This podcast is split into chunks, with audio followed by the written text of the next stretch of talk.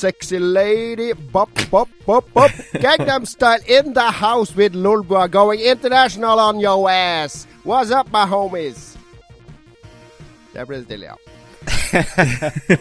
Hva, hva skjer? Vi er uh, jeg, jeg har hørt litt på Spillmatic, og du vet uh, vår gode venn Aslak Borgersrud er jo uh, programleder i, i Spillmatic. Podkasten om spill og hiphop, og han har alltid sånne eksplosive introer eh, med masse rim og vers. Og han, er- han har jo vært profesjonell rapper i mange år. Så det er ikke rart at han får til sånne introer. Jeg tenkte jeg skulle prøve meg på en sånn intro. Eh, Var det terningkast? Mm, viss forbedringspotensial. Han rapp, han får det jo til å liksom svinge, og at det rimer kanskje litt, og jeg vet ikke. Jeg, Han har jo levd, han er jo profesjonell, ting- er jo amatør.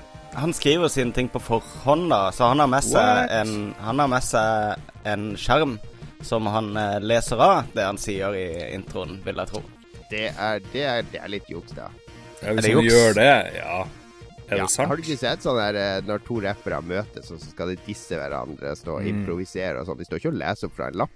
Nei, men eh, de første rundene med sånne battles er alltid ferdig innøvde rim. Ja, det tror jeg. Ja, det er det. Det der Jeg, jeg, jeg, hadde, jeg brukte altfor lang tid på å se på eh, rap battles en periode, så jeg satte meg litt inn i det. Uh, mens han der norske Nils med skills gjorde det så bra i Uddaskjærs. Nils Biskils er ganske flink, da. Men det, det er jo klart de har masse innøvde setninger og rim og, og ting som de setter sammen on the fly, tenker jeg. Men, eh, men noen ganger så er det overraskende hvor bra de får det til å passe til den personen de møter.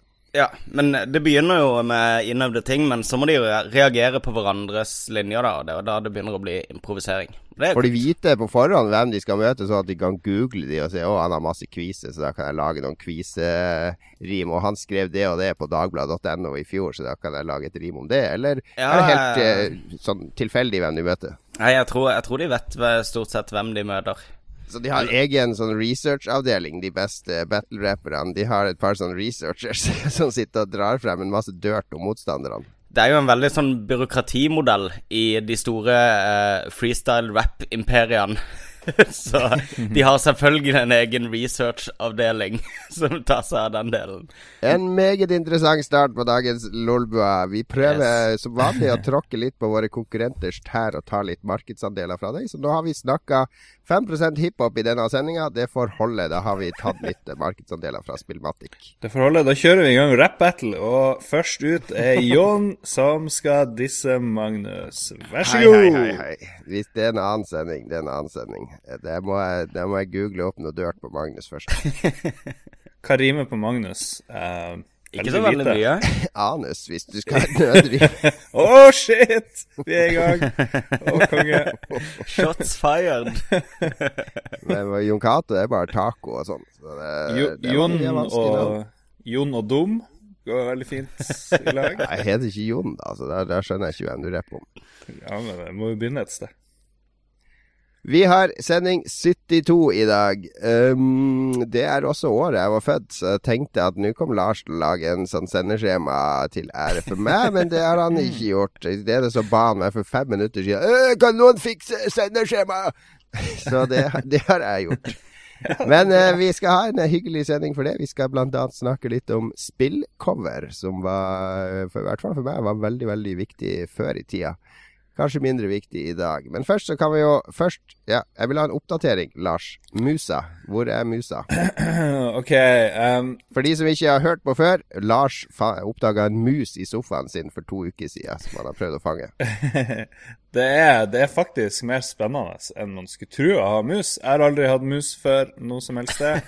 Og det er faen meg et eventyr av enorme dimensjoner. Folk blir jo lager film, skriver bøker, dikt, sånne her eh, islandske kvad. En av de der Sandbrødrene, han har skrevet en del om mus, har han ikke det? Er det en annen type mus han Sand Ja, eh, det er styrer på med? Ja. Er det første gang du har hatt en mus på sofaen din? Eh, ingen kommentar, men jeg har hatt masse mus eh, i det siste. Um, Oppdaga jo en mus, og så sier folk at hvis du har en mus, så har du sikkert to. hvis du ser to mus, så har du sikkert én milliard mus. Og alt det her har jeg jo eh, virkelig fått kjenne på kroppen. Men Jeg klarer ikke å høre på denne historien uten å på en måte ikke tenke på dyret mus når du sier det. Det er så utrolig overførbart, alt du sier. Men ok. Ja, for det handler jo egentlig om damer der. Men Du har en milliard mus, med andre ord. ikke, ikke gå Ikke overdriv. Ikke ødelegg historien min med okay. å overdrive sånn. Det var Men, du som brukte milliarden. men det har vært mange episoder, da. Men, og det var bare jeg som så den musa. Så han Mats som leier her, og vi som lager sånne Let's Play-ting, han bare trodde jeg dikta opp eh, alt det her. Eh, og, men, men en dag jeg skulle dra og legge meg, soverommet er liksom så helt på andre sida av huset av hvor jeg sitter. Eh, så ligger jeg og sover, og så bare hører jeg at det rasler i hele rommet. Det sier sånn krr, krr, krr. Og så høres det ut som det er opp på loftet da, at det er én million eh, mus plutselig. Men så blir det plutselig, og det går over til sånn surround effect. Det høres ut som det er mus overalt. Det er litt sånn som om jeg går crazy. Og så plutselig så kommer det sånn pling, pling, pling. Noe som går på metall. Og jeg bare hæ? Jeg har ikke noe sånn metall på, i veggene eller i taket som jeg vet om. Og så ser jeg plutselig, for jeg røyser meg opp og alt det der, lurer på hva er det som skjer. Får litt sånn her, Det blir sånn skrekkfilmstemning. Og så ser jeg jo at støvsugeren er der, og så hører jeg bare krafse, krafse, og så skjønner jeg holy shit, kanskje han er i støvsugeren. Går jeg bort, og så rister jeg litt i støvsugeren, da hører jeg og, da, og det jo, rimer jo litt, fordi man støvsuger jo opp utrolig mye awesome shit eh, for en mus i støvsugeren. Og det er liksom trangt der inne, det er mørkt, det er masse støv og drit. Det her syns musa er konge.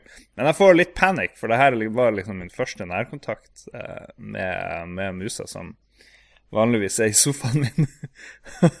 og så er jeg jo helt fucking naked, og så skal jeg liksom prøve å holde opp den der eh, støvsugerhodet, for musa skal ikke komme ut. Jeg vil ha en sånn mest mulig 90 graders vinkel, så den ikke klarer å klatre opp, da. Men den driver og jeg hører den er der i nærheten, så jeg er liksom redd for at den skal bare hoppe ut fra støvsugerhodet og inn på ansiktet mitt som en sånn alien, uh, facesucker, for det Du avslører deg sjøl som en skikkelig pyse her, Ja, Lars. ja, men det, det får så være. Det er ingen som, det er ingen som tror jeg er Rambo uansett. Kan jo bare holde det støvsugerrøret opp på taket, f.eks. Men det her er òg en, en historie om redemption, om liksom den feige som blir, eh, blir veldig tøff. Så bare følg med. Men det er mulig klippe Jeg tenker over at eh, nå, nå står du nagen med støvsugeren på jakt etter mus. Nei, men jeg har funnet Det er der vi har kommet så langt. stø- langt. Den er jo i støvsugeren. Så min første tanke er jeg tar og setter uh, støvsugerhodet over do, sånn at den liksom kravler ut, og så detter den i do, og så dør den og drukner. Eh, men jeg tenker at hvis den klarer sikkert å få tak i støvsugerhodet eller et eller annet. eh, Jeg forkaster ideen. Neste tanke uh, badekar. Fyll den med litt vann. Stikke uh, støvsugeren ned i vann. La den drukne på et eller annet vis.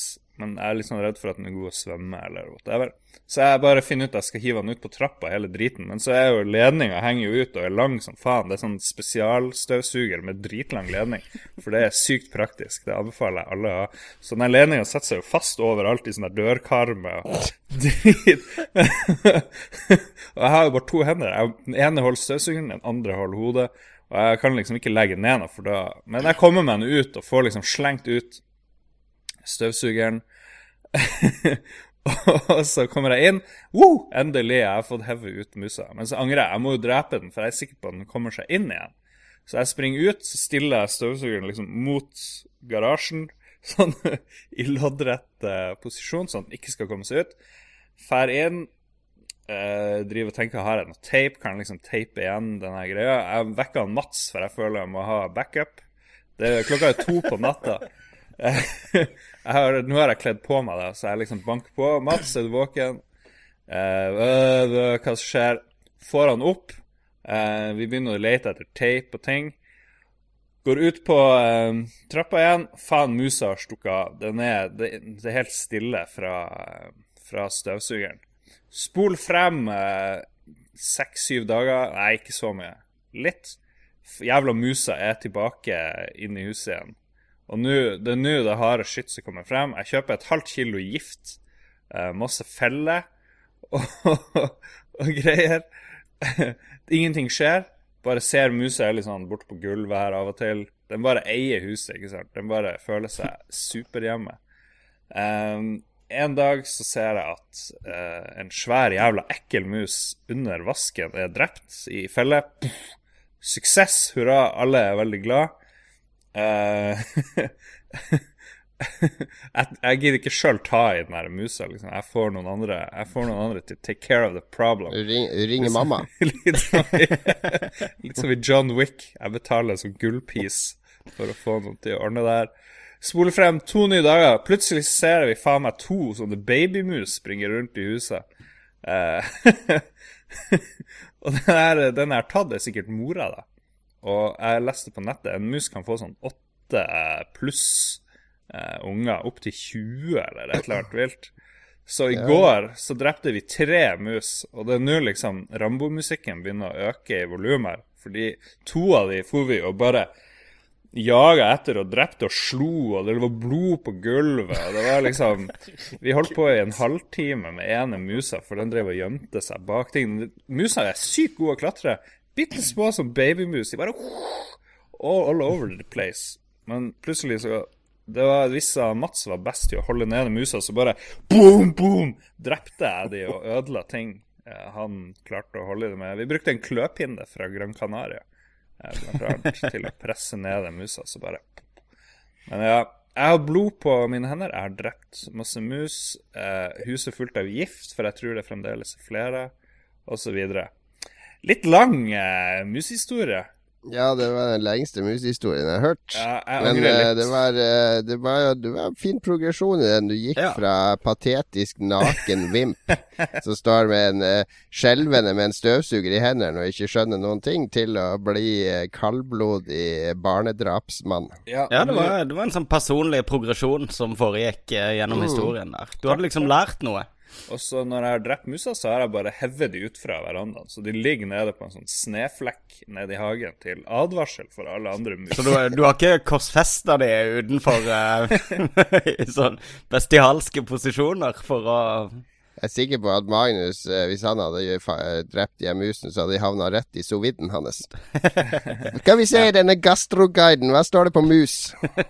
Hvor mange temperaturer? Hvor høy temperatur? Hvor lenge? Jeg har, jeg har aldri spist uh, uh, gnager, tror jeg, i hele mitt liv. Det er sikkert, uh, smaker sikkert noe, det òg. Ikke jeg heller. Men du, har du gjort noe annet enn å lese på eksamen i det siste, Magnus? ja, jeg hadde um, helt alene en spillquiz i går. Du var ikke helt alene. Jeg måtte dra fem minutter før slutt. Ja, det er riktig, det. Vi hadde jo spillquiz i går, så, og jeg hadde eksamen i går, så det var en, eh, en ganske mm, intens eh, oppkjøring til en eh, ganske lang dag, vil jeg vel si. Jeg holdt det Det ble en veldig lang dag for alle. Ja. Uh, og godt godtene er over, vil jeg kanskje si. Eh, bortsett fra det, det er ikke så grusomt mye spennende som skjer de siste dagene før eksamen. Og hvis du da tenker på at det også gjelder mitt liv, så er det selvfølgelig ingenting å melde. Jeg har fått meg en ny monitor. Det er jo det mest spennende som har skjedd uh, siden sist. Oi. Kjempespennende. PC Master Race applauderer, for han vet at det er et nytt grafikkort i posten. på Det er det. Og, og gamingstol, ikke minst, som, eh, som blir et interessant Ja, eh, du, for du har kjøpt deg en gamingstol, og da Jeg tenker jeg umiddelbart på enten en sånn oppblåsbar eh, sånn lenestol med en ølkoppholder i, Mhm. som du også kan sitte i i et basseng, eller så tenker jeg på en sånn eh, skikkelig kitsch lenestol med innebygd subwoofer og gjerne kjøleskap på sida, så du kan ha to Mountain Dews inni. Og USB. Ja. uh, ja, dette her er jo uh, kanskje litt mer uh, skrivebordsvennlig enn ja, for det er en kontorstol, rett og slett. Ja, egentlig. Med, Hva er det som med- gjør den til en gamerstol? Har den innebygd høyttalere? Nei, nei. Det er bare, den er bare designa for folk som sitter i time etter time etter time foran PC-en sin, rett og slett. Som ikke fucker opp ryggen, og er behagelig å sitte i lenge ganger. Og der det er veldig mye justeringsmuligheter og sånn, da, for å tilpasse den ordentlig til deg sjøl. Hmm. En god idé, egentlig, for flere enn bare gamere. Problemet ligger jo i det, det er litt av den samme filosofien som med joggesko. Uh, med at uh, jo mer sånn der knæsjfarver, jo bedre er de. Uh, men, men det er jo Ja, ja. ikke sant. Men er Så- det, er det ikke bedre å lage sånne ståpult ståpulter? Jeg vet at f.eks. Uh, Joakim Lund i Aftenposten, 'friend of the show', som de sier i andre podkaster. Han, eh, han har sånn ståpult på aftenen. så Han står hele dagen og jobber. Hvis du først skal tilbringe tid foran PC-en, så får Ja. du litt uh, trim. Og det er, jo, det er jo det beste for ryggen å stå. Ja, men det er ikke Nei, ikke nødvendigvis. Det er ikke så veldig Nei. bra for ryggen å stå oppe lenge av ganger heller. Jeg har en veldig sånn svai i ryggen min som gjør egentlig at jeg, jeg får Hvis jeg er på festival og sånn og har stått på konserter hele dagen, så er jeg helt gående i ryggen uh, på kvelden. Så for meg så er det bedre å sitte, faktisk. Men ehm, eh, jeg så en sånn greie det, det var faktisk i Louis, vet du, den der uh, serien den til Louis CK. med Ja, den som går på HBO eller et eller annet sted. I en annen episode så uh, fucker han opp ryggen sin, og så havner han hos en lege. Som han har en sånn lang samtale med. da Og hvis jeg skal tro litt på det han legen forteller, for det kan være litt sant i vitsene, det er stort sett det hos Louis C.K., så snakker han veldig mye om åssen mennesket ikke egentlig er designa til å stå på to bein. Sånn at ryggen vår er egentlig designa for å gå på fire. Og på den måten leddene er satt sammen osv. Så, videre, så det, vi har egentlig ikke godt av å gå rundt på to bein. Det, det, er ikke, det er ikke det ryggen er lagd til. Og derfor så har mennesker så sykt mye ryggskader som det vi har. Det var interessant. Ja, det er der, eh, det er der vi i Lolbua henter all vår vitenskapsinformasjon fra. Det er fra amerikanske komiserier. Ja, men, men det høres så det, det høres ut som noe som kan være fundert i virkeligheten. Men uansett, da. eh, det var egentlig bare en liten sånn fallitterklæring på at eh, jeg kommer jo til å sitte timevis foran skjermen uansett om jeg kjøper en god stol eller ikke. Det er ikke det det står ja, og faller på, så det kan like godt være behagelig hele veien til helvete. Yeah, som jeg ja. sa. Mm. En gamerstol på vei, altså. jeg er altså. litt skuffa over at det ikke er sånn massasje eller sånn her eh, koppholderaktig eller et eller annet sånt. Det går an å Det går an faktisk til den jeg har kjøpt, så går det an å kjøpe sånn der ekstra sånn spesialarmlene som har eh, musematte på. Oh. Sånn at du kan liksom ligge tilbake og, Ja. og Så det er en litt kul ting, da. Det er fett nok når jeg skal sitte med Photoshop og sånn. det må du få. Det må jeg få. Definitivt. Det må du få. Det må, noe jeg, vi har fått i huset, er uh, den herlige sykdommen vannkopper. Eh, den siste uka har jeg vært uh, Eller kona mi har vært hjemme med sykt barn, for jeg har hatt litt jobb å gjøre. Men vi har vår mellomste sønn på seks år. Han fikk vannkopper i barnehagen, så det var litt morsomt å se på, for det begynte med sånn par prikker her og der. Jeg tenkte mm, er det bare noe utslett, eller er det vannkopper? Og så plutselig, sånn over natta, så var det 100 prikker overalt. det var sånne svære røde prikker. Det ser jo helt spedalsk ut. Ja. Men, eh, men det er jo ikke noe farlig, da. Han hadde litt feber noen dager. og... Jeg har hatt det sjøl. Og han øh, lå hjemme, og hvor han elsker å se på TV, og gjerne se på Let's Plays. Han har ikke sett noen øh, Lolbua Let's Play ennå, men han ser på sånn Lego Batman og Mario Party og sånne ting. Det kan han sitte i timevis og se på. Hm. det spiller ingen rolle om de prater spansk eller engelsk eller japansk, for han skjønner ingenting uansett. Han bare ser på De beste Let's Playene for han, det er de der det er ingen som prater i det hele tatt. Der de bare spiller. Ja, for du og kona er jo eh, vaksinemotstandere, så dere har vært faktisk og kjøpt eh, vannkopper, er det ikke det? Ja, vi kjøpte, kjøpte vannkopper på Ikea. Yes, så, så we gone. En liten sånn Nei, vi er ikke som eh, Nei, fuck det vaksinemotstandstullet, altså. Jeg leste i det nyeste nummeret av Mann, så er det sånn svært intervju med han der eh, Stig-Henrik Hoff. Han er mannen til den der vaksinemotstanderdama. vaksinemotstanderdama. Sølvi, eller hva hun heter. Og det, han, er jo så, han skal jo være så utrolig maskulin. ikke sant? Han er sånn grilling og mekke ting på verkstedet og rullings og Han hadde vært en mann og fanga mus, skal jeg si det. han hadde ledd av den der musehistorien din. Men jeg, jeg leste det intervjuet hans, for det, det, på slutten av det intervjuet så forteller han om hvordan han og hos Sølvi er et sånn perfekt team. Og Da forteller han en historie fra Danmark, da, der de skal rekke danskebåten hjem. Og de kjører bil, og de kjører sånn i 150-160 fordi de har så jævla dårlig tid. Og så må han så sinnssykt pisse, så kona holder rattet da mens han pisser i ei flaske. En sånn Det halvlitersflaske i setet. Og så tar hun den flaska og kaster ut av vinduet, sier han i historien. mens de high fiver og rekker båten. Da tenker jeg bare Ok, han er imot vaksiner, men han pisser på flasker i Danmark og kaster ut sånn at unger kan komme og drikke pisset hans. Hva er det for Hva er det for en eh, det er jo helt, Han er jo helt på trynet. Det er det verste jeg har hørt. Det høres ut som en veldig rar sånn kombinasjon. Det er helt Eh, greit å pisse på en flaske i bilen, men du kaster den ikke ut vinduet etterpå, da. Nei, det er jo galskap. Når du først pisser i en flaske når du kjører i 150 km i timen, så hiver du den selvfølgelig ut vinduet etter Nei, en nei, bil. Nei, du stiller de opp sånn som i Dum og dummere igjen. Så stiller de de opp på gulvet, og så kommer han der politimannen og bare Been sipping back on grandma's old cough medicine, hey!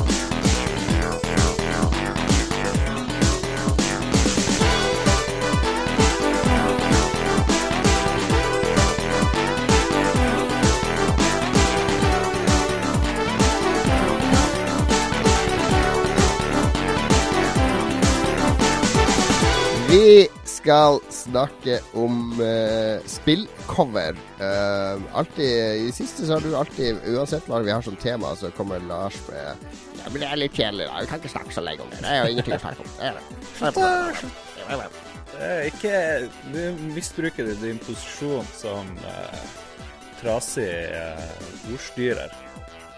Jeg føler den eneste effekten av dette, dette temaløse veldet som vi har innført her, er at eh, vi innfører tema, men vi gjør det eh, etter eh, at jeg får muligheten til å lage en splash på forhånd.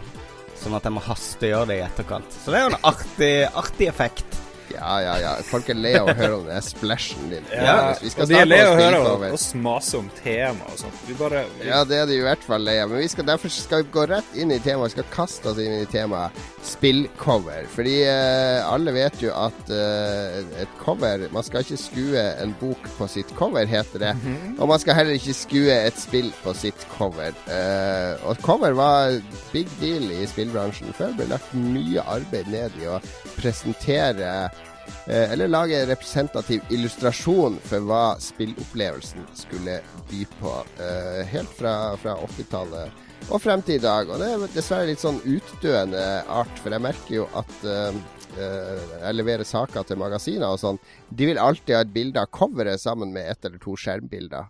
Hmm. Og så skriver jeg jo om sånne digitale spill som bare fins på Steam eller eh, på PSN Ja. og sånne ting. Og de har jo ikke noe cover, da. Men det fins alltid noen som har laga noe sånn mock-up-cover, da, så jeg bruker bare det i stedet.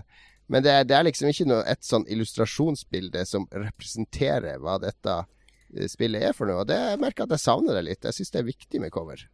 du, må, du må ta og finne et bra bilde, og så bare gjør du utsnitt som om det er et cover. Eh, hvis det er mulig, da. Det bruker jeg å gjøre. Ja, Ja. ja, men Eh, det er en OK Ja, det funker. Det funker. Men hva, hvor viktig er var egentlig spillcover? Altså På 80-tallet, for meg, så var, var det sånn at, at når jeg blæste i, eh, i alle databladene, så var det jo store helsides reklamer for spill. Ofte med en tegning eller en illustrasjon av eh, hva spillet skulle inneholde. Og det var veldig viktig, fordi spillene var jo så, så primitive sånn grafikkmessig. Så at jeg brukte liksom coveret, eller omslaget, det ble en slags um, eh, Hva skal jeg si filter, som jeg da legger over eh, spillet ved hjelp av min fantasi. Mm. Så at den lille strekmannen, han tenker han er han fyren på coveret. Så jeg må, jeg må fylle inn alle blanks sjøl. Så, så, coveret var veldig viktig for meg for å, for å leve meg inn i de, de primitive spillverdenene på den tida. Mm. Ja, jeg er helt enig. Det var, det var jo greia. Var, coveret fortalte deg hva du, hva du egentlig så på. Uh, til, en, ganske stor grad. For det, de aller første spillene var jo bare sånn tre-fire piksler som uh, fløy rundt. Jeg er helt enig. Mm. Det, det funker som en sånn her uh, kreativ veileder som forteller Nei, nei, det er her fantasien din skal gå, på en måte. Nå er det jo Var det ikke noen som sammenligna masse cover på Kotaku, eller hva da? De fant ut at det var sinnssykt mye sånn herre de her fargene som Dice bruker på de her mm. Hva de heter de her Battlefield. Mirror's Edge. Battlefield, det er det serien heter. Det er sånn oransje, og så er det blått eller et eller annet. For det er både ja. Mass Effect og Battlefield og masse andre sånne ting. Og så har du andre fellestrekk på nye cover. Det er at du har en fyr, en dude, som står der med noen sånne eksplosjoner kanskje i bakgrunnen eller et eller annet. Og så er det veldig realistisk. da, De bruker de her 3D-modellene sine, eller hva det nå er. Og så er det liksom ikke så mye av de her tegna eller håndlagde tingene som det jo bare nesten var før, hvis du tenker på sånn Another World og Shadow mm. the Beast er jo en uh, favoritt. Han heter vel Roger Dean, det han heter, han som uh, tegna de der der. Og Det var jo en kunst. Det må jo ha tatt en milliard år og en kunstner, ikke sant, i stedet for en markedsføringsstud.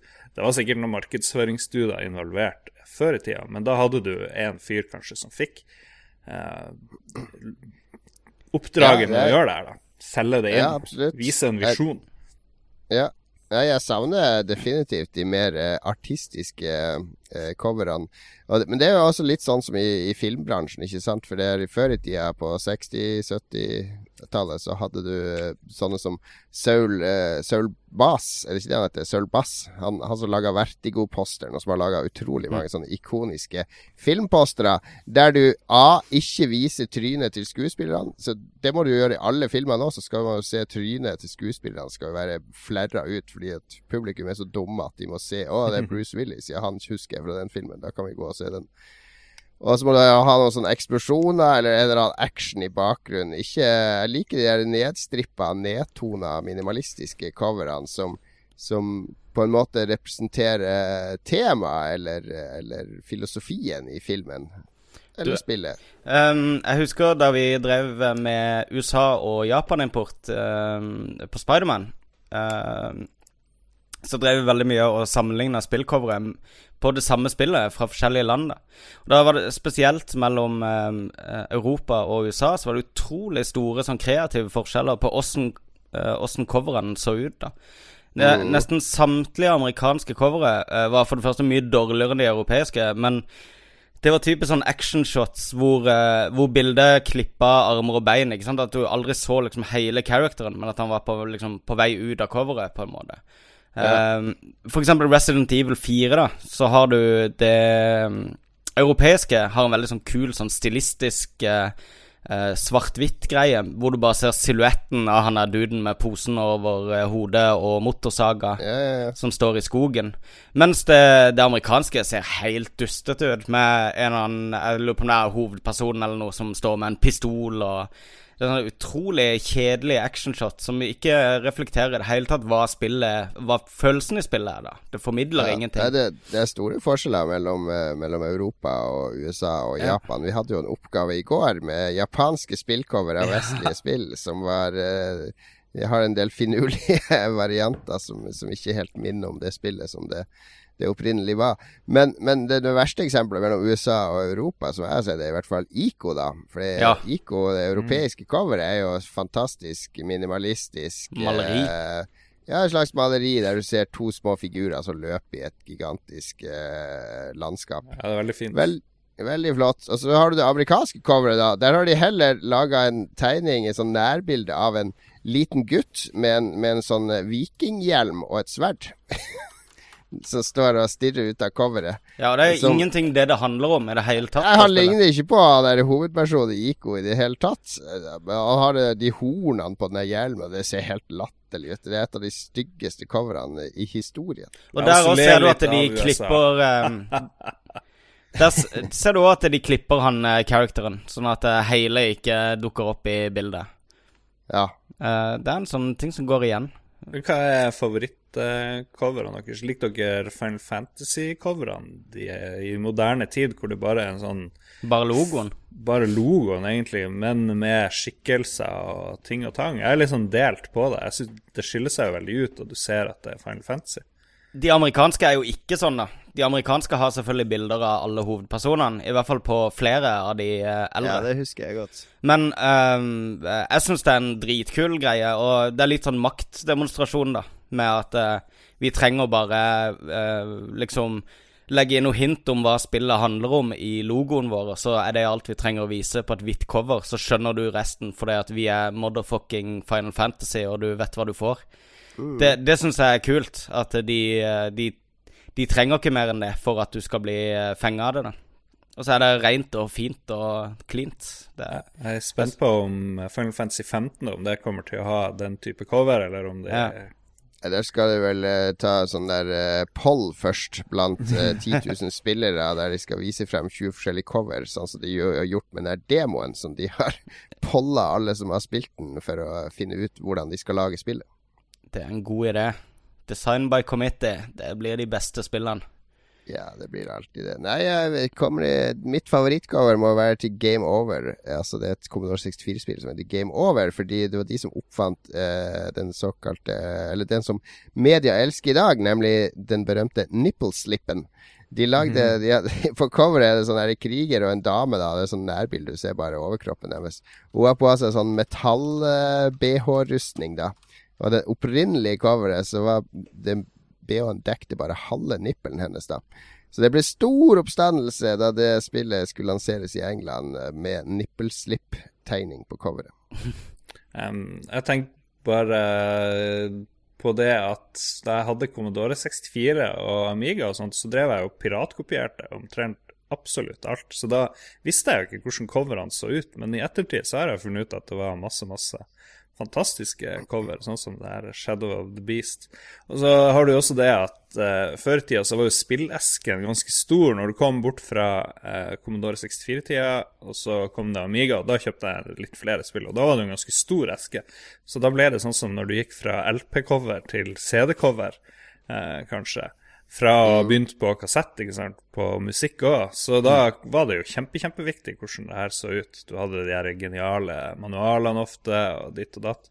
Men så mm, har det krympa igjen og blitt mye mindre viktig. Og så de her nye coverne ikke sant, i plast og litt sånn her, ser ut som en sånn billig DVD-skitt. Det er liksom ikke like kult, og det er ikke så viktig heller, da, for meg. Det var mer viktig da du hadde de her flotte eskene og kunne se på Monkey Island eller et eller annet sånt. Jeg er helt enig. Før så, så var det kanskje Altså, frontcoveret var, var, liksom viktig, men det var jo Det var så sykt mye artwork som fulgte meg inni, inni pakka, så du ble jo sittende og lese manualene og se på type sånn plakater som fulgte med og alt sånt. Så alt det var liksom med å påvirke uh, hele opplevelsen, da. Mens nå er, har du bare det der frontcoveret å.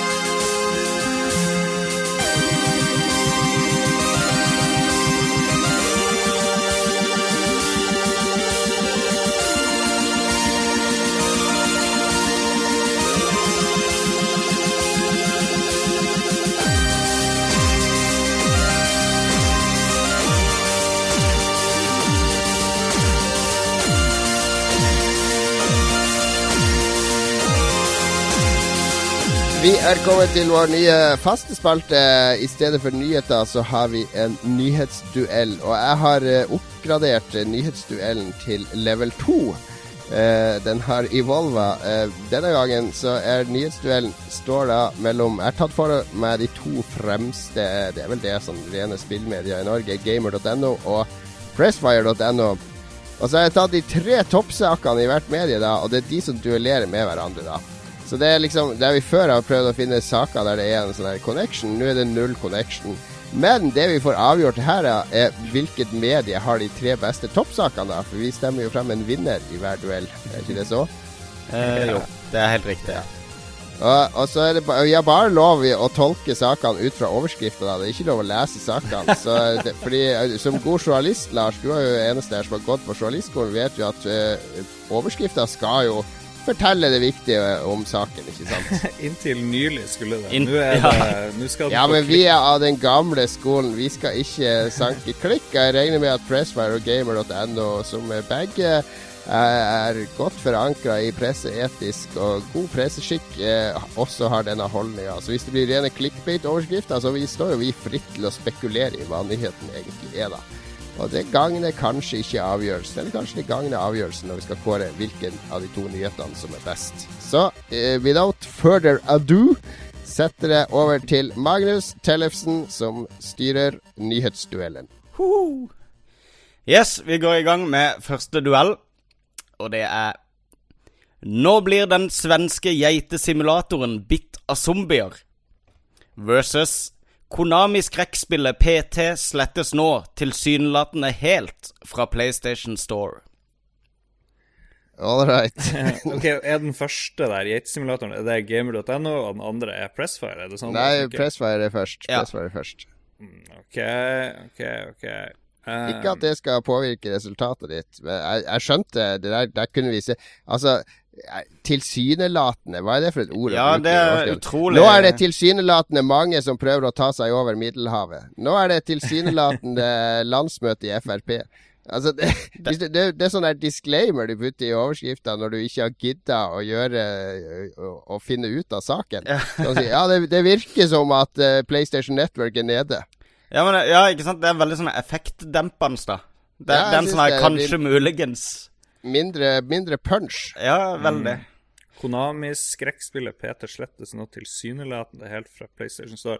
Jeg, jeg, jeg, vil jo med en gang eh, få lyst, jeg som lager titler til forsider på nettsider hver dag, jeg vil jo putte inn en 'derfor' eller uh, noe, noe, lignende. Slik bør man putte inn. Eh, jeg vet at folk er veldig lei akkurat de, de ordene, men eh, det, det, er jo det som selger nå i dag, eh, ifølge VG, da, som jo styrer retninga på alle medier i Norge. Så men ville du, ikke man... fått, vil du ikke fått flere lesere hvis du skrev 'skrekkspill fjernes fra PlayStation Store'? Ja, absolutt. Så det, det er tilsynelatende dårlig. Men, ja. Eller 'Dette spillet får du aldri mer spille på din PlayStation 4'. Ja. ja.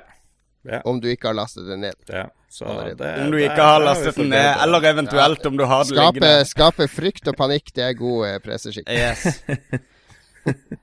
Men det var ikke presse, det var ikke akkurat det vi skulle diskutere. Jeg tror den der svenske geitesimulatoren Bit av Zombier handler om at det skal komme noe som heter Goat Set, eller noe sånt. Sikkert. For du har Goat Simulator, som har blitt en sånn kultsuksess. Det er jo et møkk spill. Jeg fatter ikke hvorfor det, hvorfor ja, det blir en suksess, men det, det er jo sånn mem-spill, ikke sant. Og så Nå skal det komme noe som heter Goat Set, som, som er en sånn blanding av Dayset og Goat Simulator. Et eller annet. Jeg har bare lest overskrifta, så jeg spekulerer i at det er det. Um, altså, uh, det er vel uansett hvordan du vrir og vender på det, så er det vel ikke snakk om en simulator som blir bitt av zombier? Nei, det, det, er sant. Det hadde jo ikke hatt så mye effekt beit den, og den er jo digital òg. Ja. Den ja, men uh, nå er dere bare vanskelig. Vi er, Nå kverulerer vi. Men hva hva er, den nyheten som vi fikk mest lyst til å klikke på her? Hvis altså, nå eh, Ja, hvis jeg ikke hadde visst om uh, Goat Simulator, så hadde jeg nok sjekka ut den mail Nei, den uh, saken først. For det har både geiter og zombier. Ja, ja jeg, jeg, jeg bikker mot P, det Konami-skrekkspillet PT, fordi det er jo Jeg hadde vært litt nysgjerrig på her. Hvorfor, hvorfor, skal det bort? Det er jo gratis demo. Hva er vitsen med å ta den bort? Ja. Men det får du sikkert ikke forklart hvis du klikker på overskrifta heller. Men, men, eh, det var jo eh, Jeg trodde det var et utgangspunkt her i at ikke vi visste noen ting om eh, temaet i det hele tatt. Men jo, men... Ja, hvis, vi, hvis, vi, vet det fra før, så vet vi det jo. Okay, det, okay, det, er greit. Okay. Men jeg syns det er eh, den mest relevante nyheten, at det kommer nok et sånn tullegeitespill. hvis jeg ikke hadde visst noe om de to nyhetene, så hadde jo PT slettet eh, fått trøkk hos meg. Men, eh, men den mest sånn Den med schwung over, det er jo geiter og zombier, selvfølgelig. Ja. Så det er to på geita og én på PT. Det er altså 1-0 til uh, 1-0 til så. Pressfire, ja. Vi går videre til neste duell. Det her var ganske Ok, nå må vi skjerpe oss. Vi var, Yes. var altfor omstendelige på den uh, første nyheten. Må Vi var litt- kanskje det. Vi var vi- kanskje det. vi, Det er vi vi som må strømlinjeformes, ikke de her eh, Vi må bli mer tabloide i vårt format. Ok, duell nummer to. Luksusbutikk og forening mot masse drager i Dragon Age Inquisition. Versus Ingen kunne hampe opp med Arcane Gaming i den norske Dota 2-ligaen. Eh, den første overskrifta er, er, er, det, er det en luksusbutikk som raser mot Dragon Age Inquisition? Det er, det er en og luksusbutikk som også er en forening. Mot masse drager. Det, det hørtes veldig rart ut. Jeg går med en gang for den første. Ja, helt klart. Bare fordi at eh, det er, det er masse ord som er satt sammen, som ikke betyr noe i den rekkefølgen. Ja, men også fordi at det er vel ingen av oss som er så interessert i den norske Dota 2-ligaen. Nei, og spesielt ikke med hvilke lag som uh, hevder seg i den uh, i, I ligaen. Og sannsynligvis da i denne runda av Dota 2-ligaen. men, Men heter det 'ingen kunne hampe opp'? Hva er å hampe opp? Hamle. hamle opp? jo. Ja. Er det jeg som har skrevet feil? Jeg må sjekke. Luksusbutikk og forening. Ja, det skal stå uh, hamle. Sorry, sorry. Ikke, det var ikke feil fra Game. Hvordan, hvordan forening er mot at det er masse drager i Dragon Age? Er det, uh, kan det stemme? sånn eh, Nå skaper vi masse klikk til Pressfire her. Og det er 2-0 til Pressfire pga. deres clickbait-overskrifter, som gjør oss nys nysgjerrige her. Mm.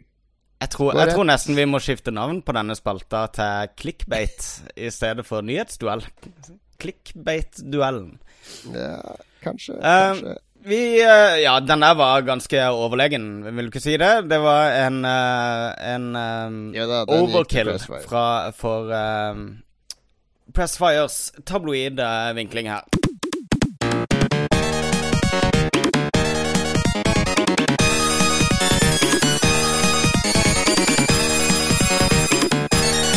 Vi går over på tredje og siste duell. Slik ser GTA 2 ut i virkeligheten versus Mortal Kombat 10-oppdatering på PC slettet spillernes fremdrift. sånn. Det heter ikke Mortal Kombat 10, det heter Mortal Kombat X. eh, Ja, ok, ja. Jeg leste det romertallet X som 10.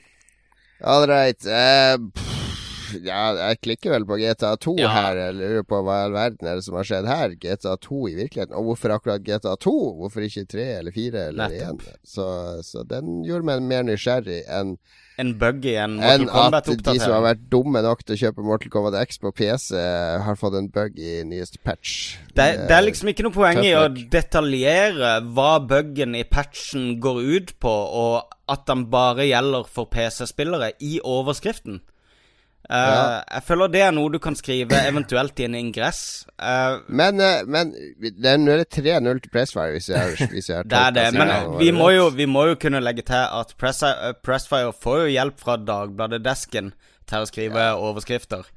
Det gjør det, men, men er det her For jeg vil jo, jeg vil jo ikke Altså, Gamer.no sine overskrifter er jo veldig beskrivende for sakene, altså så at man egentlig slipper å, å klikke på de. Så jeg vil jo egentlig berømme de for å ha sånne overskrifter. Altså, hadde de, hadde de vært mer tabloid, så hadde den siste her vært 'Ikke patch dette spillet'. Altså sånn obskur, zooma inn eh, bilde av puppene til en av damene. Ja, eller Kombat. av Så at alle klikker inn 'Å, hva slags spill er det jeg ikke må patche nå?' Mm. For å få en masse klikk. I stedet så er de greie, så forteller de oss nøyaktig hva saken handler om. Ja. Så, så selv om det blir 3-0 til Pressfire, så vil jeg kanskje si at den moralske seieren går til gamer.no. Jeg er helt enig. Eh, Gamer har den der tørre, informative uh, vinklinga på, på si greie. Eh, Det funker jo. De Eh, har, har du ikke mange, sett mange, mange lesere. Hva sier du, eh, Lars, som jobber med ekte journalistikk? Nei, jeg er enig i alt dere sier. Jeg bare lurte på om dere har sett den her GTA 2-videoen. Nei. De har filma med en drone, en fyr som går litt sånn stivt uh, bortover gata. Plutselig kommer han til en bil, og så bare åpner han og sier ah, work, get out of here, og så bare hiver han ut en fyr som detter over, akkurat som i spillet. Han gjør en sånn liten salto ut av bilen. Kjører han av gårde, og så kjører han forbi sånne gangbangers som står og skyter bare mot politiet. Det er fantastisk. Du må finne den, Magnus. Ja, jeg skal Ja, det sjekke den ut. absolutt sjekkes Video. ut. Sjekk den ut på pressfire.no, som vant nyhetsduellen i dag, men eh, moralsk vinner gamer.no.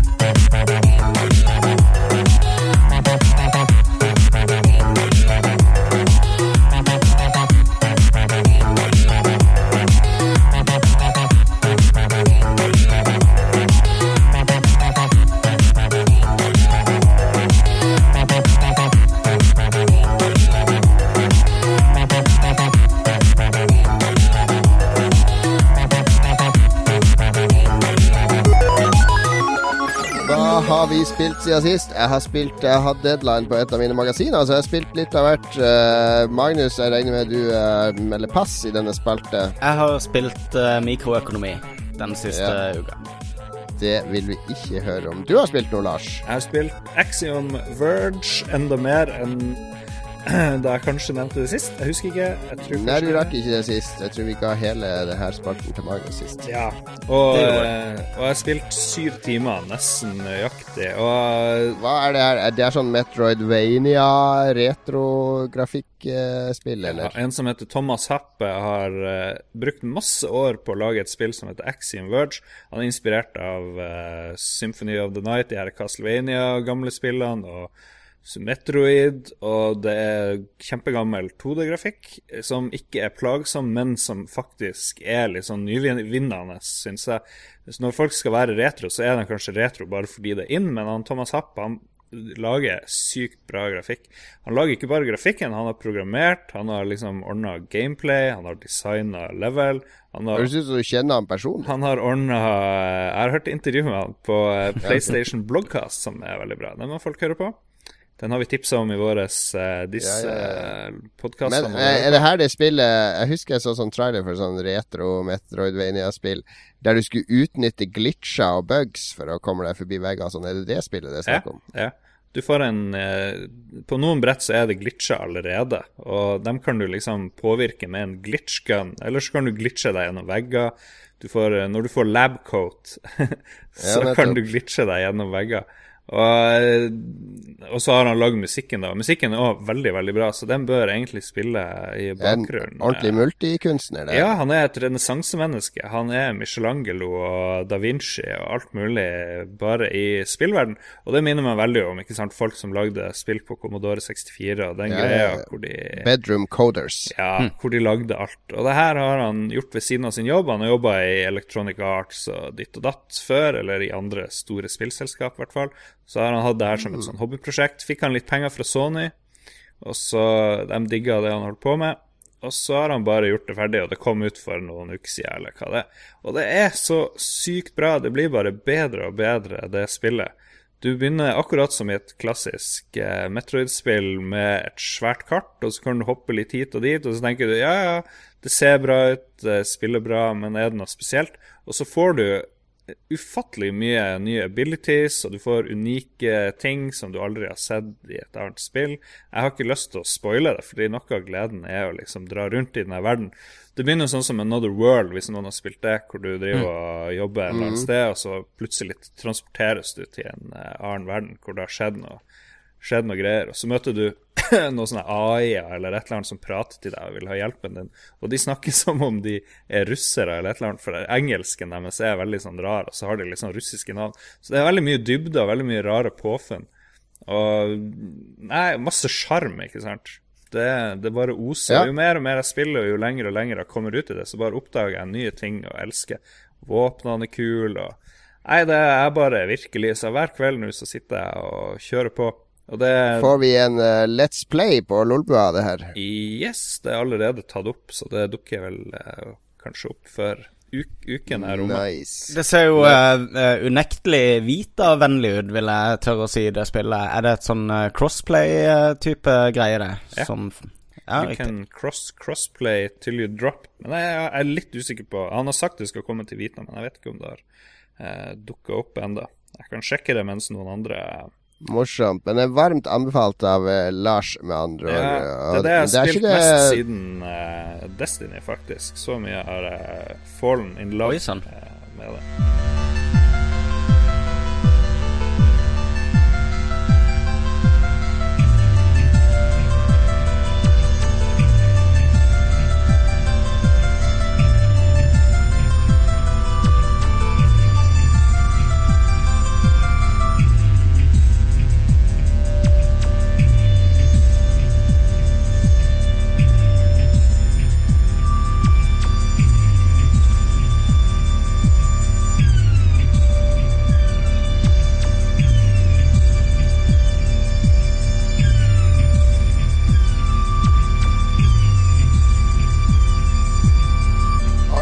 Der tikka det inn en mail her. Witcher 3 review code. Yes, den har jeg fått. Yes, det var det vi rakk i dag. Takk for Nei da, vi skal eh, Det står 'code soon available'. Yes. Eh, bla, bla, bla. Ok, yes. Den er greit. Har jeg lest en mail? Spora litt av her et Jon. Cato eh, leser mail på Men det, direkten. det, er ikke det, det er ikke det eneste spillet du har spilt, Lars. For jeg har sett at du og Mats i vår Lollebua-videoseksjon på YouTube, alle må følge Lolbua på YouTube, har lagt ut en Let's Play av Elite Dangerous. Ja. En halvtime der dere prøver spillet som to, eh, to små jomfruer som ikke aner hva de driver på med. Og for meg som har spilt mye Elite Dangerous, så vil jeg si at den videoen var både morsom, men utrolig frustrerende å se på. Jeg tenkte på det Carl Pilkington-programmet An Idiot Abroad. Når det, de, er to som går ut og ikke har peiling på hva de driver med. Det blir bare så frustrert at dere sitter i sånn fem minutter og ikke klarer å trykke på en knapp. Det er ikke så-. Men det, var- det var både morsomt, men for en som har spilt det, veldig frustrerende å se så mye knoting. Og at dere for og kjørte fløy i sånn der ti minutter bort til en romstasjon, for dere kom ut av warp space litt for langt unna. Og, ja. Ja, nei, Vi skjønte absolutt ingenting, men det er jo et vanskelig spill. Og når du har deg Hotas-stikkene, to stikker med 3000 knapper, og når du da skal liksom prøve å bare fære inn i hyperspace, eller hva det heter, og i stedet så begynner du å trekke inn og ut våpen og landing gear og skrur av skjold og alt det der.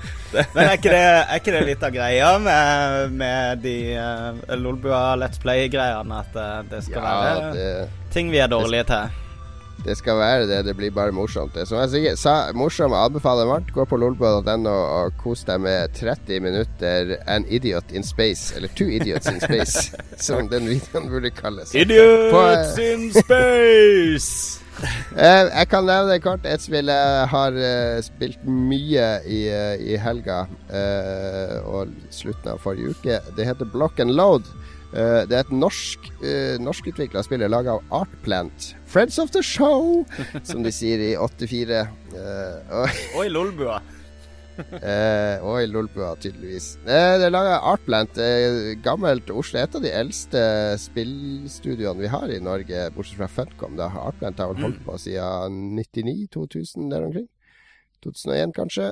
Eh, de har laga masse, masse barnespill. Eh, og så har de de siste årene laga store lisensspill, som GI Joe har de laga sånn Facebook-spill av. Og de, de, lagde vel Battlestar Galactica MMO, sånn browser-basert.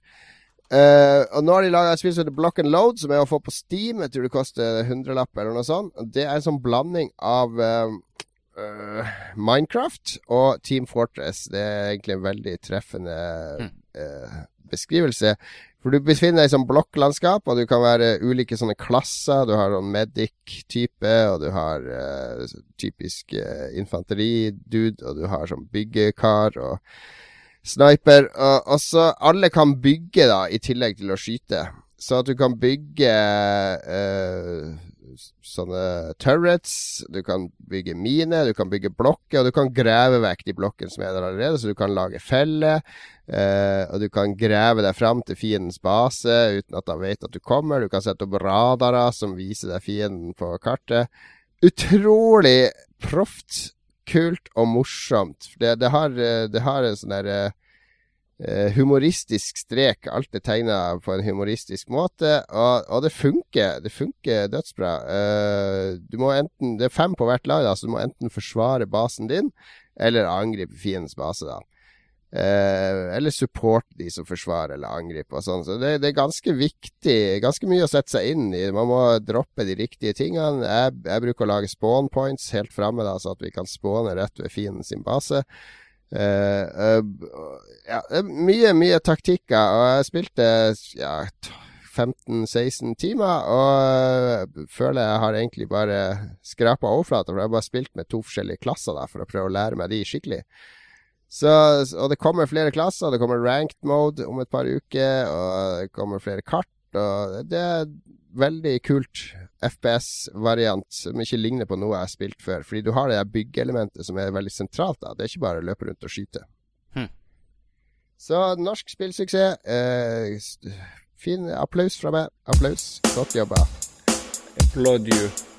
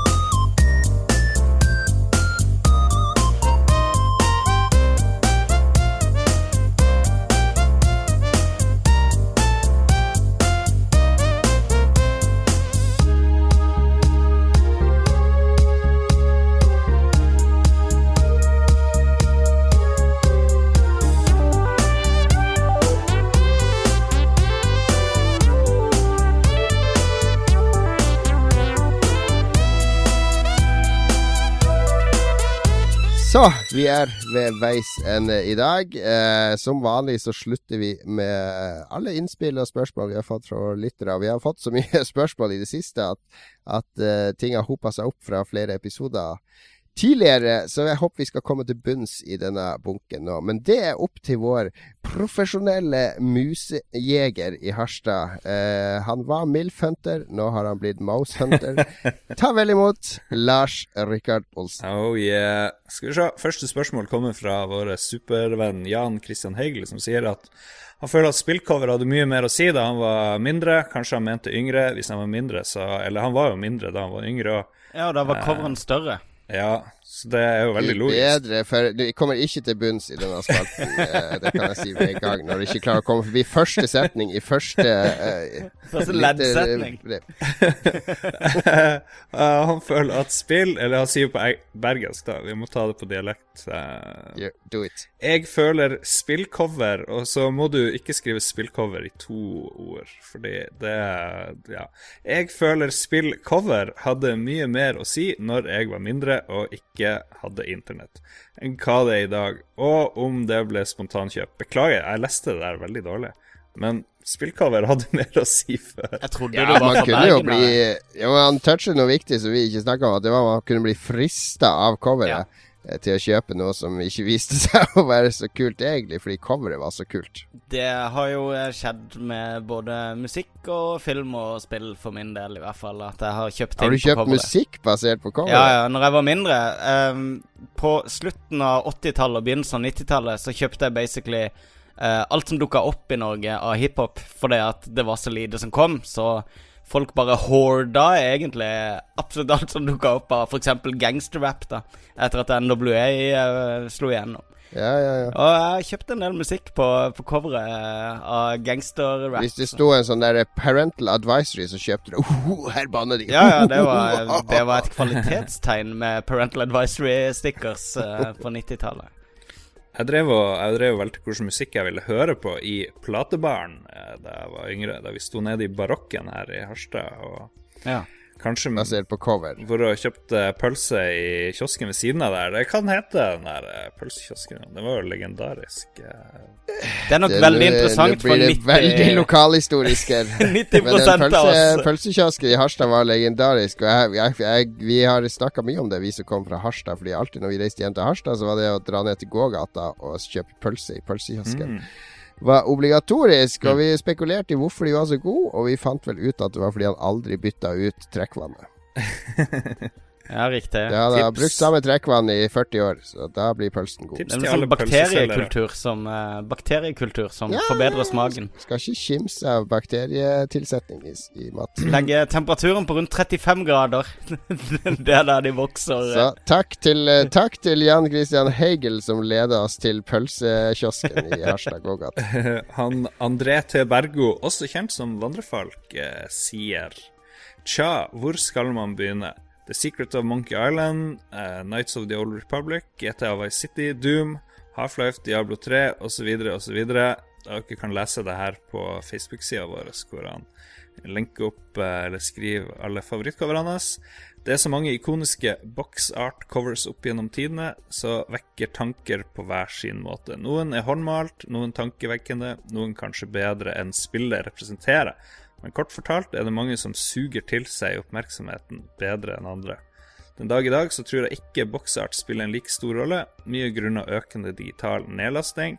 Han er ganske smart, han André. Han går innom mye av det vi snakker om.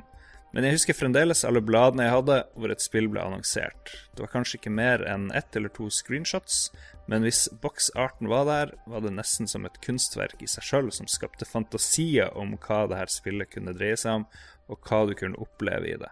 Så det kunne ha en større påvirkning eh, eller hype enn det det gjør i dag. I dag er det en teaser for teaser-traileren.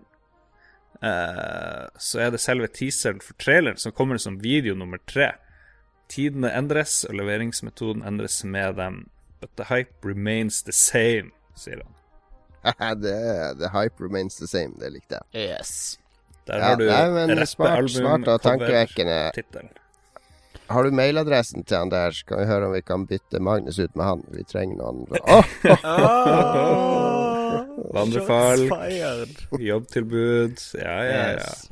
Jobbtilbud muligens på vei. Men han berørte veldig mye, og og det handla jo selvfølgelig om å hype og selge spill. Coverne vi kommer jo ikke unna det, men det går an å være kunstnerisk i, i salgsmetodene sine. Ja. Espen Husøy eh, sa for en Nei, han kommenterte nå på YouTube. Han skrev eh, like rask progresjon i Lars sin musehistorie som hovedkarakteren i Far Cry 3. Fra Ja, livredd og sårbar til nådeløs morder på to minutter. Ah, Helt enig. Det var en Det- god ja. sammenligning. Ure, rett og slett urealistisk, Lars. Vi kan jo egentlig kalle det din origin story, Lars. Om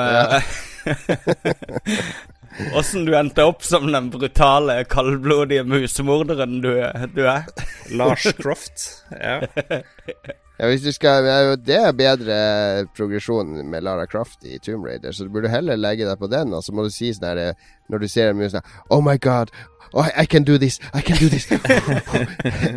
være, være, fortsett å være litt sånn usikker og nervøs, så blir det mer troverdig. bare frem til du har drept den første, og så er det bare hvilepuls og bare flerre ned alt du ser. Ja, den eh, Vi får se om mushistorien er ferdig. Gud vet. Jeg håper jeg ikke skal plage noen mer med det. Men jeg skal, hvis jeg finner flere, skal jeg spikre dem opp på veggen, sånn som Magnus foreslo. Gleder meg. Eh, Stig Henning Ytre sa for en sending eller to siden eh, Hører dere på spillmusikk når dere ikke spiller? Har selv funnet mye bra på remixer i Spotify som funker bra på jobb. Og selvfølgelig, spillmusikk går i hvert fall hver dag eh, når jeg er på jobb. Det er rimelig awesome mye å finne, og folk lager masse sånne Spotify-spillelister som jeg søker etter.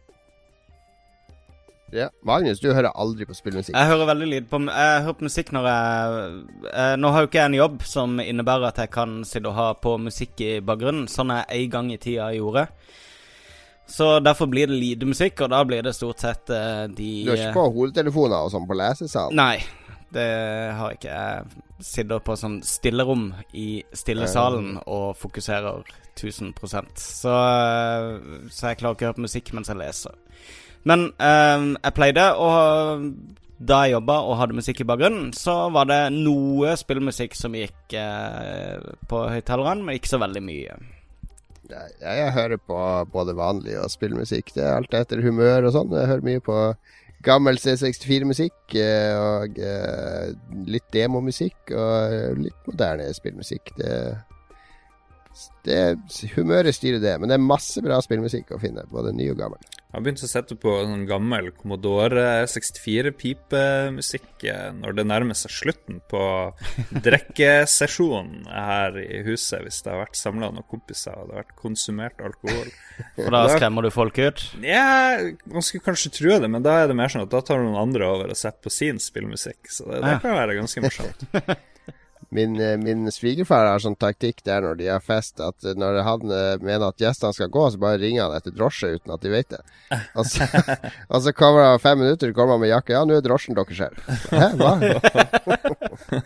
Det er veldig effektivt. Shit. Det er artig. Du, du skal gå. jeg vet du var midt i en historie, men det står bil og venter på deg. Du skal gå nå. Herlig. Ok, Siden vi går gjennom arkivet her på tidligere stilte spørsmål, og folk må jo bare sende inn kommentarer ditt og datt eh, til oss. Og nå har vi òg eh, mailadresse kontakt etter lolbua.no. Jeg vet ikke om den funker, for vi, vi har vel Jo, den funker. Funker det? Okay. Eh, men der kan man f.eks. sånn som han Jan Christian Hegel eh, sende inn ting. Eh, Han fikk det første spørsmålet i dag, og nå er han back in black. Han lurer på hva vi ser på TV slash Netflix pluss diverse om dagene. Han eh, fikk vite at Orphan Black var ganske bra, så det er det han ser på for tida. Ja, jeg, jeg var I helga så var det jo eh, Hadde vi vannkopper, men så var også kona mi og min minste barn var borte da, så jeg hadde det ganske rolig her da, med bare med ett sykt barn som lå og så på TV og slappa av hele dagen. Så da kunne jeg binge-watche Daredevil. Jeg så hele Daredevil ferdig, Ja. og den eh, gikk jeg egentlig fra å være litt sånn lunken og sånn til på midten, så likte jeg den bedre. På slutten så digger jeg Daredevil-serien. Jeg tror det er fordi at den er så utrolig Den er mye mer tett opp til tegneserieformatet enn de Avengers-filmene og de greiene der. Fordi hver episode føles som et tegneseriehefte i en, i en sånn føljetong. Det har samme oppbygging som tegneserieheftene, og det har eh, Jeg har lest eh, ikke veldig mye Daredevil, men en del. Men alle karakterene er jo henta fra tegneseriene. Kona til Wilson Fisk, aka Kingpin. eh, han journalisten. eh, alle har røtter i, eh, i, i Daredevil-serien, eh, selv om handlinga, så vidt jeg har skjønt, er, original. Så, så jeg føler at det er en veldig, veldig, veldig nesten perfekt eh, måte å lage tegneserie i TV-serieformat. Jeg gleder meg veldig til de andre Jeg Vi, har- vi snakka jo om eh, Daredevil sist. Eh, Jeg syns det ble for mye føleri i det etter hvert. At eh, de dveler altfor mye på sånn her eh, I hvert fall for seeren sånn kortlevde relasjoner som uh, eh, som tok slutt, og de klarte liksom ikke gjenskape tragedien som eh, figurene følte da. Klarte ikke helt å leve meg inn i.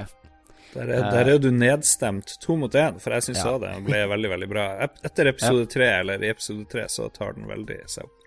Min, Ja. Jeg syns jeg Ja, som sagt, for, for emo, men uh, eh, definitivt verdt å se. Og jeg har ennå ikke sett den ferdig, men jeg kommer helt klart til å se Sesong to er vel annonsert nå, så den skal absolutt ses. Og, og, og så elsker jeg hvordan de har fletta inn sånne obskure ting fra Daredevil Mm. også. Sånn som han der eh, duden som lager dressene til han Wilson Fisk, og som, eh, som også Han, han rustninglageren. Mm. Han som eh, eh, han, han er en av de første fiendene som Daredevil slåss mot. eh, jeg tror det var i, i hefte nummer 16 eller 17 eller noe sånt på 60-tallet. Det er liksom en av de ikoniske Daredevil-tegneseriene. Det, det er liksom han samme fyren da. Ganske obskur, gammel uh, villen som de har da gjort om til han der rustningsskaperen. For det var det han var i tegneserien òg. Han lagde jeg tror han lagde sånne mannekengdukker og sånne Madame Tussaud-dukker. Så nei, det Briljant serie. Og, men jeg håper mange sier å, vi må ha en oppfølger. Jeg vil ikke ha noe Daredevil sesong to. Jeg vil ha at de gjør det samme med en annen Marvel-karakter. Det er ikke det som er planen, at de skulle lage fire forskjellige sånne miniserier. Men det kommer, det kommer en sesong to.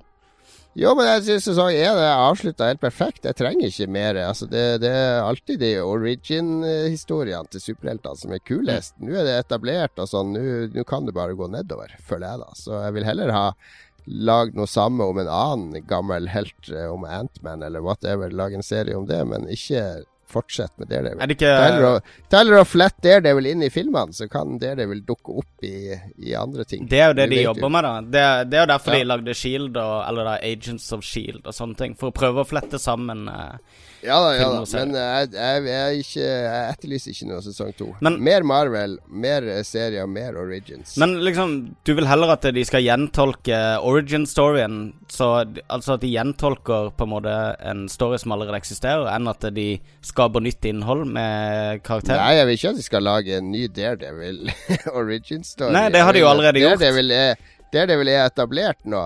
De trenger ikke å fortsette den historien. Nei, men Det er jo poenget mitt. da Vil du ikke at de skal lage noe, noe 100% nytt stoff basert på eh, Daredevil? Ja, OK, du, eh, nå er vi lei av å høre om Daredevil og eh, Ja. de tingene der. Eh, Vår venn eh, Bernt Erik Sandnes sitter og hører på oss akkurat nå. Han sier dere er flinke og liker godt å høre på dere mens jeg jobber her i min spillhule. Smilefjes. Takk for det, Bernt, Bernt Erik. Eh, Takk, takk, takk, Bernt. Takk, Per takk, Bernt. André Bertelsen har også kommentert på vår YouTube-kanal mens vi har eh, sendt ut det her eh, mølet vårt. Eh, han lurer på hvilket spill som har den stiligste DRM-en, eh, kopibeskyttelsen. Eh, og hvilken er verst? Husker det var utrolig mange stilige back in the days. Spill hvor man måtte ha svære papirhjul, man måtte surre på for å finne riktig nøkkel. Eh, LucasArts hadde vel eh, sånne ting, Ja. blant annet. Um, De hadde mye bra. og Han tenker på Larry, hvor man måtte svare på spørsmål for å bevise at man var voksen. Og morsekode som måtte klikkes inn, og lignende. Eh, så nevner han faktisk Monkey Island, som hadde den legendariske Dial a Pirate. Jeg tror det er min personlige favoritt. Eh, bra, bra eksempel, eh, Per André.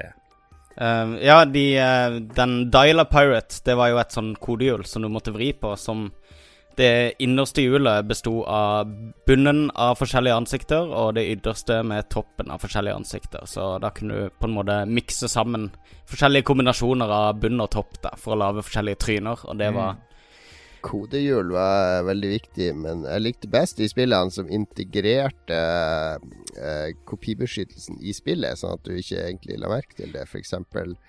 Uh, Infocom hadde alltid noe du måtte vite fra det Mm. materialet som fulgte med spillet. Altså Det fulgte kanskje med en sånn fake avis, og, eller en brosjyre, eller et håndskrevet brev. Og så var det info i det brevet da som du måtte vite i spillet for å komme deg videre. Metal Gear Solid òg hadde det. Der var det Ja. en radiokanal du ikke kunne ringe opp hvis ikke du hadde sett på et screenshot på baksida av coveret hvor den radiokanalen var uh, nevnt. Mm. Jeg husker også et strategispill på Commodore 64 som heter Red Storm Rising, som vår eh, Lolbua-venn eh, Øyvind uh, lærte meg å elske. Og det, I det spillet så skulle du liksom eh, Du styrte moderne atomubåt. Altså Med sonaren så kunne du kjenne igjen andre skip, da.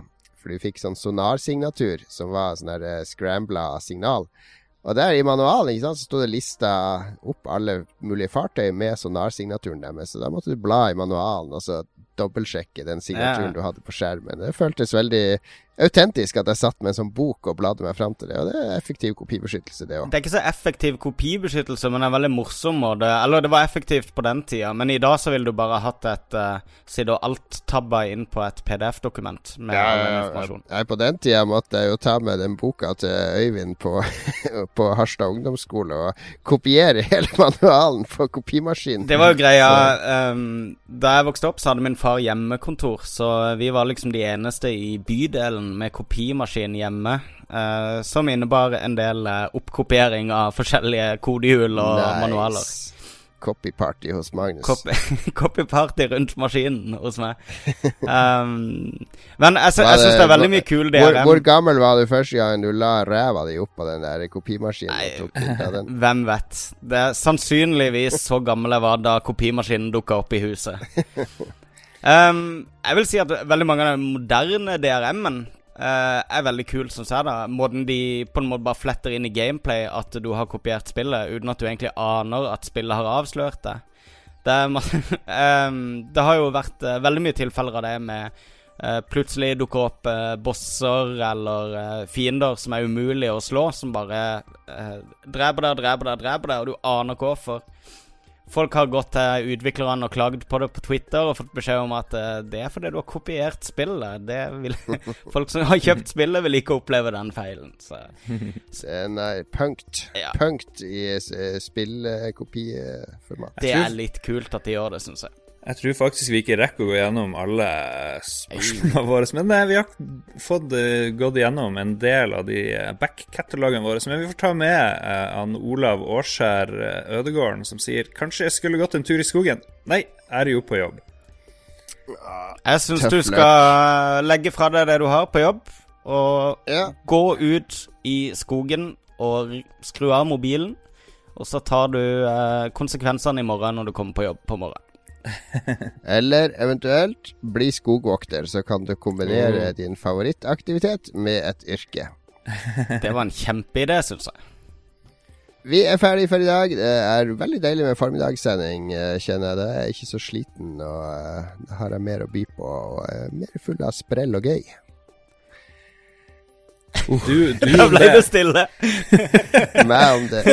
Bred, bred enighet om akkurat det. ja, det var bare Jeg så de der ørkenballene som bare rulla forbi, mens jeg hørte Pluss sirisser på en eller annen magisk måte. Leave me hanging. Nei, nå skal jeg droppe the mic her og, eh, og avslutte sendinga. Vi eh, følger oss på Twitter, et lolbua. Eh, Gå for guds skyld inn på lolbua.no. Vi prøver så godt vi kan å legge ut nytt innhold hver dag. Jeg jobber med noe som skal komme senere i dag. Det kan alle glede seg til. Oh. Eventuelt ikke. Uh, følg oss på YouTube òg, Lolbua. Lars legger ut minst to videoer i uka. Er ikke det målet ditt? Ja. Ja. Lars og uh, Mats uh, Hva er det? Grump, Grump Gamers? Grumpy Gamers, dere er- De sammenligner dere med? ja. Jeg vet ikke hva det er engang, men da, da må jeg sjekke det. Ja, i hvert fall har dere fått eh, en håndfull fans allerede. Det er meget bra. Video er framtiden, det vet alle vi som jobber i media. Porno er framtida, så vi, vi beveger oss sak sakte dit. Video, video på VHS er framtida. Når begynner VG med porno? Det er de som begynner først med alt. Så de som setter standarden. Jeg har ikke blitt spurt om å lage porno for Level Up ennå, men jeg lagde musical for de, og det, det holdt Og i du har vært eh, Du har eh, i det minste vært innom mykpornosjangeren da du ble filma i dusjen eh, på VGTV. Ja, ja, ja, det, det klippet har jeg nesten glemt, men det er tydeligvis at du har lagra det. Det har svidd seg det. inn i mitt uh, permanente minne. Når jeg sto i Carl sin dusj. Det var, det var good times, good times i dusjen til Carl. er, det noen flere, er det noen flere steder å følge Jon oss? Cato Lorentzen 2015. Ja, det kan hende jeg ikke har godt av sånne eh, formiddagssendinger når jeg tenker etter. Ja, nei, finn oss Eh, på Facebook. Uh, Ja, Facebook er viktig. Uh, Jon Cato er Fleksnes på Twitter. Magnus er Magnus Tellefsen. Og jeg er Barack Obama. Lars R. Olsen. Og Magnus Tellefsen ble nylig trua av Vålerenga-klanen på Twitter. Det kan dere finne mer ut av ved å følge Magnus på Twitter og se hva som har skjedd. Vi takker for oss. Ha det bra. Ha det!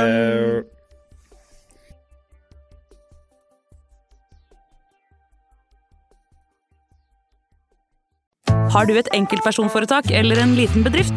Da er du sikkert lei av å høre meg snakke om hvor enkelt det er med kvitteringer og bilag i fiken, så vi eh, gir oss her, vi. Fordi vi liker enkelt. Fiken superenkelt regnskap.